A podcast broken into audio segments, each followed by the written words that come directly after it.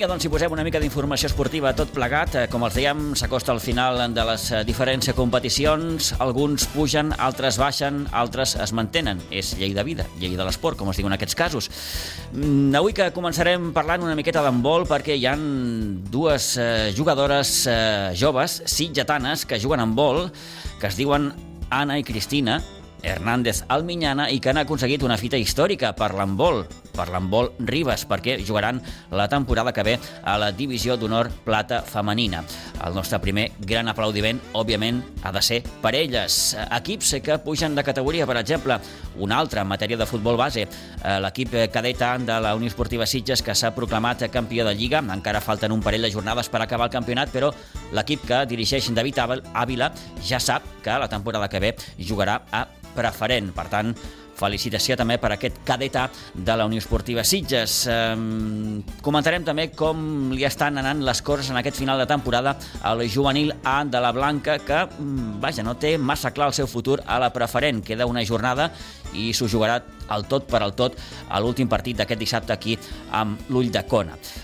La Unió Esportiva Sitges també haurà d'esperar una miqueta més per assegurar-se l'ascens a primera catalana. No ho va poder fer aquest passat dissabte amb Cubelles, ho podrà aconseguir aquest dissabte que ve si és capaç de guanyar aquí a l'Sporting Gavà. Bon resultat també del Sitges B, que es va desfer 4-1 de les Cabanyes, un equip amb problemes a la part baixa de la classificació, Mm, també s'ho jugarà tota una carta al bàsquet Sitges aquest proper cap de setmana a la pista del Castellet. En canvi, el sènior B sí que ja ha aconseguit el seu ascens de categoria i acabarem amb una mica de poliesportiu. Comencem.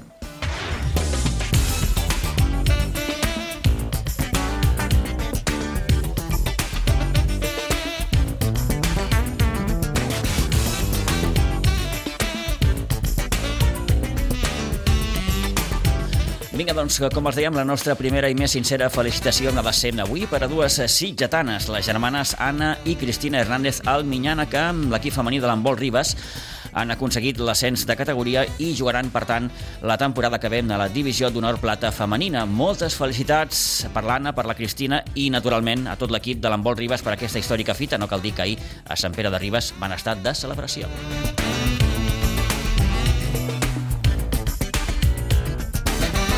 I com els apuntàvem ara fa uns moments, en futbol base un altre equip de la Unió Esportiva Sitges, en aquest cas el Cadet TAM, s'ha proclamat campió de Lliga de la primera divisió i jugarà l'any que ve a la preferent. L'equip que entrena David Ávila va empatar ahir 1-1 al camp del club de futbol Vilanova i assoleix el títol matemàticament quan falten encara dues jornades per acabar el campionat.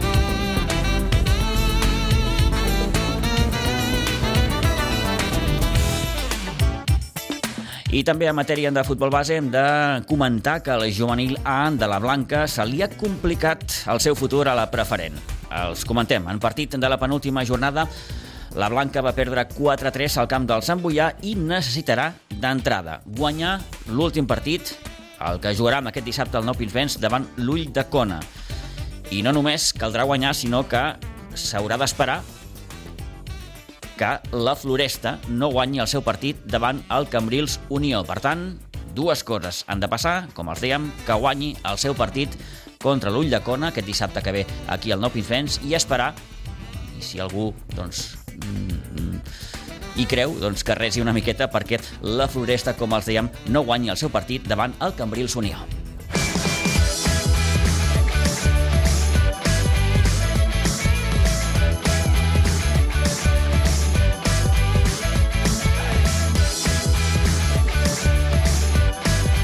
9 i 40 minuts del matí, la Unió Esportiva Sitges haurà d'esperar una jornada més per assegurar-se l'ascens a primera catalana. Els de Toni Salido van perdre per 1 a 0 davant un Cubelles que va marcar l'únic gol del partit gràcies a un penal que va transformar Francesc Medina al minut 63 i amb un Sitges, tot s'ha de dir, jugant amb un home menys, amb 10 homes des del minut 42 per l'expulsió de Dani Midley.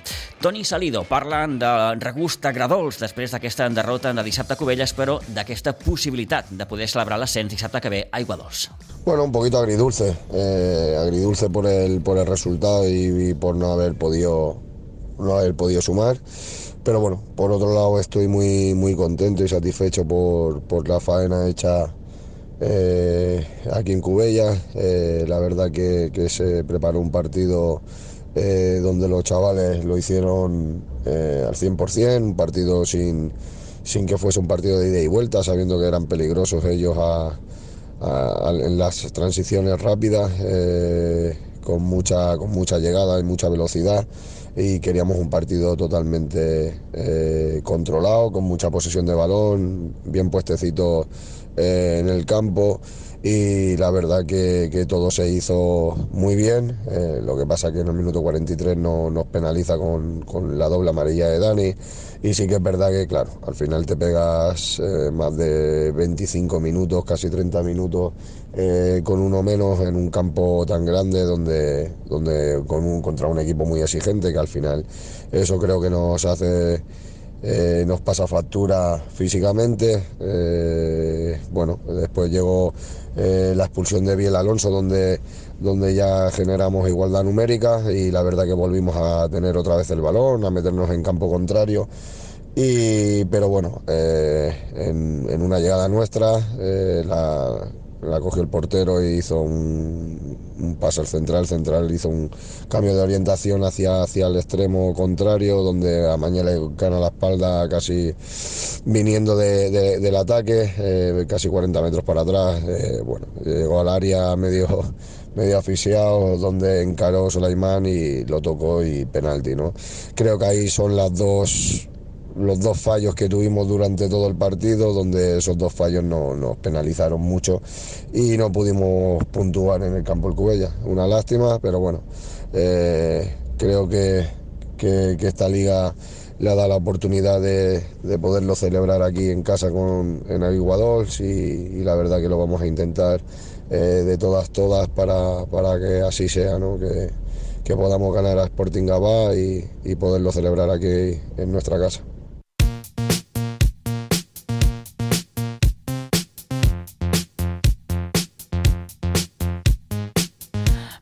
Apuntava Toni Salido, l'opció de poder-se assegurar ja de forma matemàtica en aquest ascens a primera catalana si l'equip és capaç de superar l'Sporting Gavà el proper dissabte aquí al municipal d'Aiguadols. Un Sporting Gavà que, atenció, ha tornat a guanyar en aquesta última jornada, ho va fer per 2 a 1 davant el Sant Ildefons, mentre que en l'altre partit, el Gornal, es va imposar 3 a 1 a l'Atlètic Vilafranca. De moment, el Sitges continua, malgrat la derrota Cubelles, líder amb 54 punts, seguit del Gornal amb 52, Atlètic Vilafranca 50, Cubelles també suma 50 punts, Sant Ildefons 40, 47 i Sporting Gavà 45.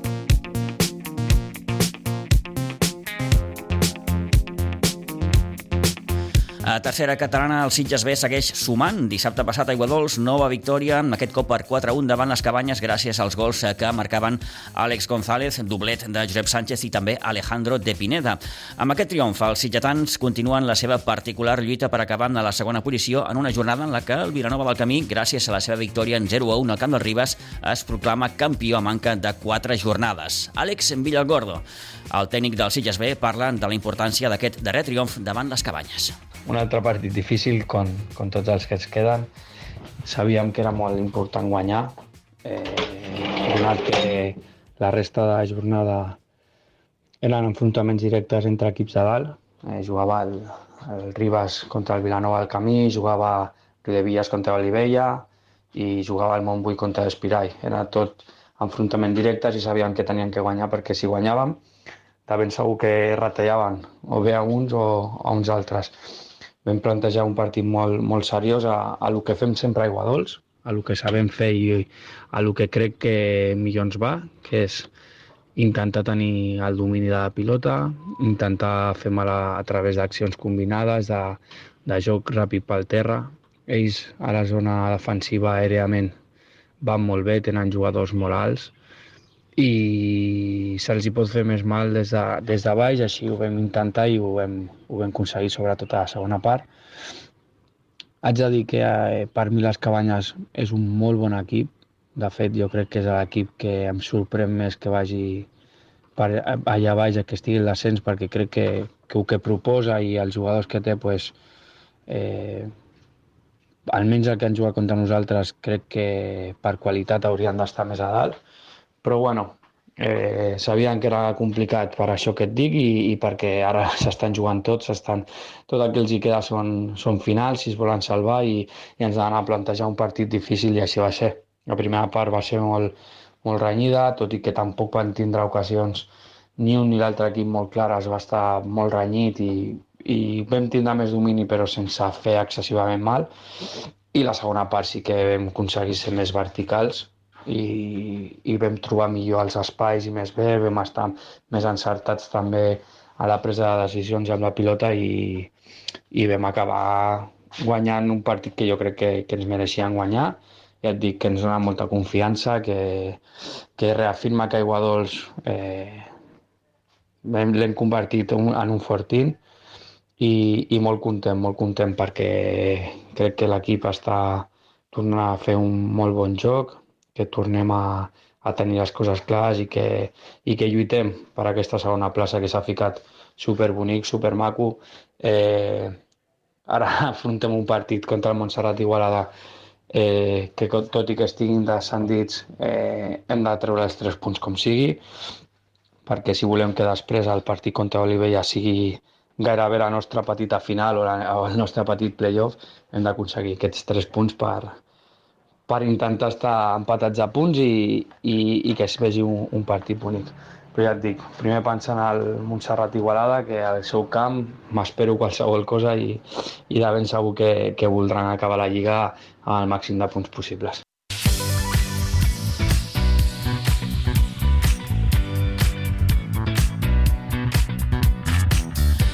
Què podem destacar bàsicament d'aquesta jornada al grup 12 de tercera catalana? Doncs, com dèiem, el títol i l'ascens que ha aconseguit el Vilanova del Camí gràcies a la seva victòria en 0 a 1 davant un Ribes que va veure trencada una ratxa de 20 partits sense perdre, aviat està dit. Aquesta victòria 0 a 1 també de l'Olivella amb el Riu de Villes, que de moment el manté a la segona plaça, i la golejada d'un Atlètic Vilanova 8 a 0 davant el Montserrat Igualada, el que suposa un pas més dels vilanovins cap a la salvació.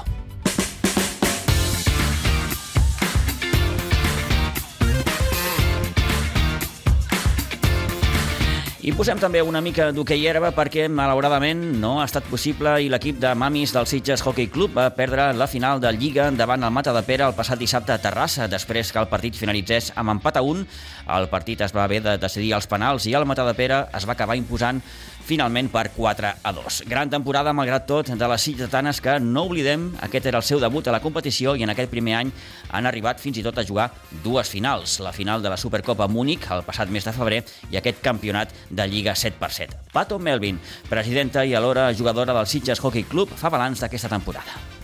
Y estábamos ahora para la liga también como finalistas para eh, poder ser campeones de liga empatamos uno a uno y por shootouts, que son penaltis, eh, perdimos. La verdad la sensación igualmente fue, a pesar de la derrota, fue, fue una sensación de, de estar contentas, de haber llegado a algo que la verdad no nos imaginábamos ni teníamos como objetivo este año. Jugamos un juego limpio, estamos aprendiendo a, a jugar mejor, incluso con bueno, mucho respeto hacia el rival, hacia nosotras mismas y nos quedamos con eso, con esa sensación de, bueno, de habernos superado, de saber que podíamos, porque si no clasificábamos dentro de las cuatro primeras no teníamos derecho a jugar una semifinal y menos una final. Entonces luchamos para quedar dentro de esas cuatro primeras, pasamos a un, play, a un playoff, fuimos a jugarlo, les ganamos a las primeras de la liga, dejándolas afuera por un 4 a 1. Eh, la verdad que fue el partido de liga para nosotras, fue el partido del campeonato. Ese fue, no el de la final realmente. Ese fue nuestro gran desafío. Pero bueno, pasamos a la final y bueno, el, contrario fue un contrario muy limpio, Mata de Pera, eh, juega muy bien, tiene un pase muy rápido, se conocen, el campo favorece porque realmente esos pases rápidos se favorecen cuando tenés un campo idóneo. Nosotras estamos acostumbradas a, correr mucho porque si no se corre en nuestro campo la pelota, la bocha no se mueve y ellas al revés, ellas eh, pasen, pases, pases, pases y ahí es donde se nota la diferencia de, jugar en un campo de verdad o en uno que no corresponde a tu deporte, ¿no? Como es nuestro caso, que no me voy a cansar de repetir cada vez que me pongan un micrófono delante, que está bien, que es lo que tenemos de momento, pero que necesitamos otra cosa. Entonces, a todos los que estén escuchando, vuelvo a decirlo, necesitamos que en algún momento podamos tener un espacio para, para jugar el hockey eh, hierba, como corresponde. Eh, aún así, peleamos la camiseta, peleamos los colores del Siche Hockey Club, nuestro, nuestro eh, logo, nuestro escudo del Maricel. Eh, y siempre con alegría y con compañerismo y entre todas las mamis que somos de Siches, eh, cantando de alegría, que es lo que, lo que estamos, estamos contentas, estamos alegres, para el año que viene estamos haciendo muchos planteamientos internos, a ver eh, cómo queremos seguir, de qué manera, porque es verdad que empezamos así humildemente y terminamos en una final, entonces bueno, nos tenemos que plantear la competitividad también de otra forma. Eh, y nada, seguir luchando. Invitamos a, todo el que esté escuchando que tenemos equipo de mamis, tenemos equipo de papis, tenemos una escuelita maravillosa, que estamos todos en crecimiento, todos en liga y que bueno, nada, que es un deporte que hace mucho, mucho equipo, mucha familia y de hecho nos han felicitado el equipo contrario porque realmente nos sumamos a su festejo. Quedamos segundas pero no nos quedamos con un mal sabor de boca. Fue un partido duro, fue un partido muy lochado. Ya te digo, empatamos uno a uno, no, no nos metieron goles eh, dentro de lo que fue, fueron los minutos de partido, pero bueno, los shootouts lo que tienen es esto, a veces es una manera injusta de definir tanto esfuerzo, ¿no? Eh, entonces nada, eh, al haber perdido, nos sumamos a ellas, a su victoria, a sus cantos, a, aplaudirlas y, a disfrutar todas juntas del el deporte que al final es lo que nos une. Así que bueno, muchas gracias por escucharnos, por apoyarnos como siempre y, vamos ahí, a por una temporada que viene siguiendo, siguiendo jugando al hockey como sabemos, aprendiendo mucho y ojalá que con alguna promesa que se pueda cumplir en el futuro de tener un campo como corresponde.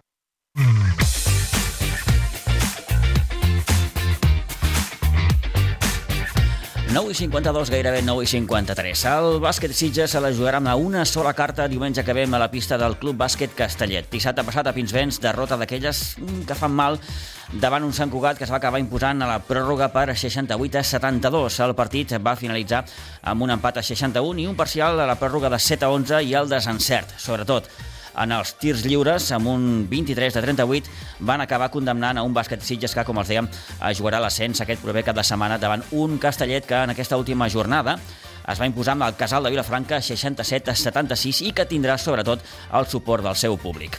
Escoltem Jordi Mateo, el segon entrenador del bàsquet Sitges que, en absència d'un Edu Pinheiro sancionat, ens va atendre en acabar el partit. Un Jordi Mateo, òbviament, tocat per la derrota. Bé, Jordi, bona tarda. Bona tarda, Pitu. Per dir alguna cosa, perquè aquesta derrota és d'aquelles que d'entrada fan, fan mal.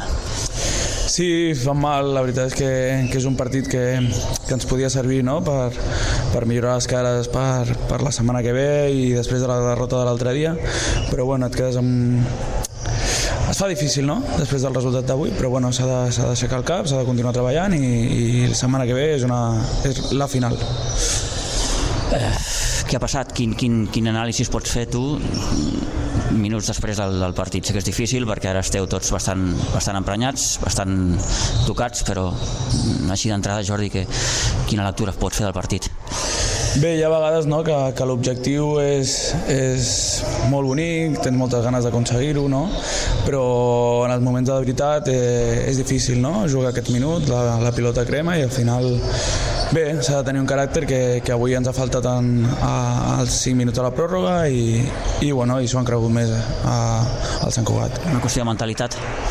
Probablement, probablement. En els moments que, que van bé les coses, aquest equip és, és capaç de lo millor, però sí que és veritat que, que en la part mental eh, hi ha vegades que això ens passa factura.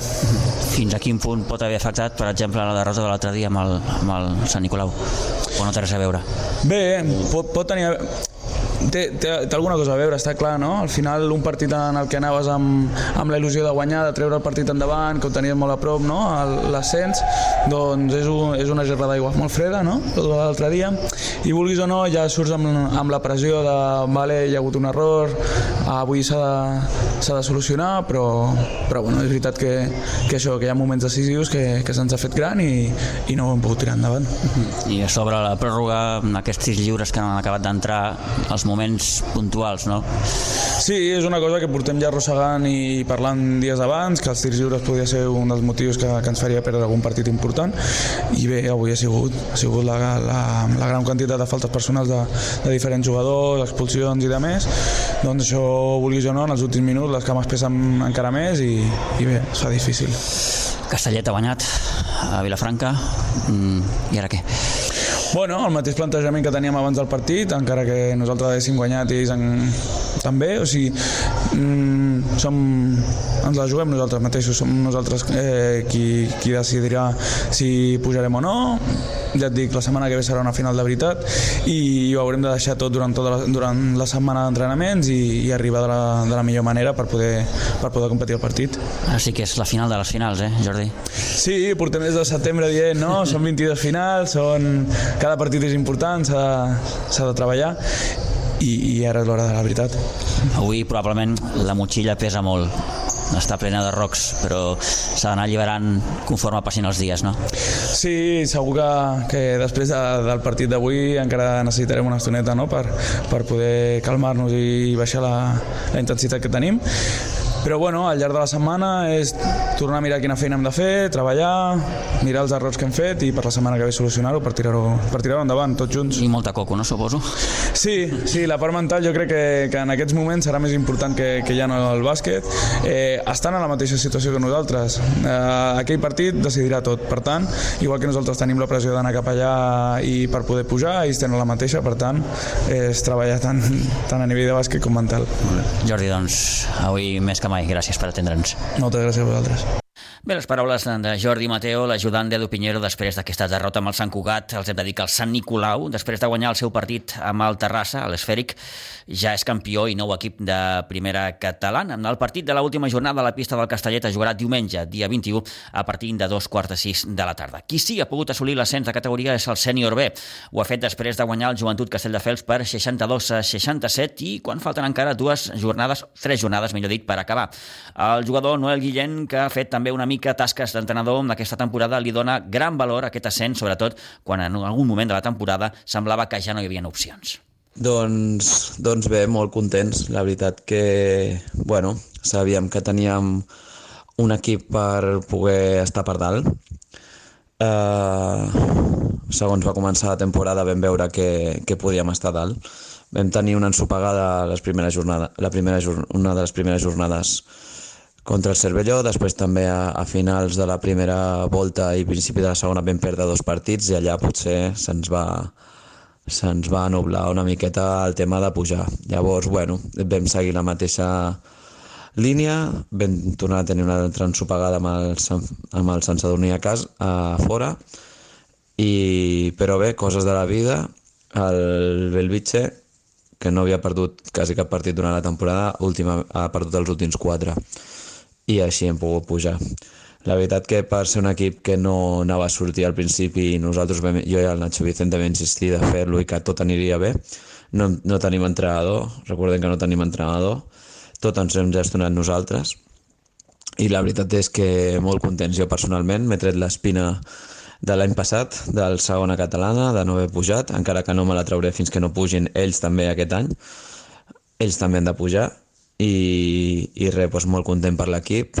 Espero que al final queden dos partits, ara valorem el que hem fet aquest any, de disfrutar d'haver jugat junts un altre any més i, i res, molt contents. I l'any que ve ja veurem què farem, si, si acceptem l'ascens o decidim una altra cosa, però de moment molt contents d'haver pogut pujar avui.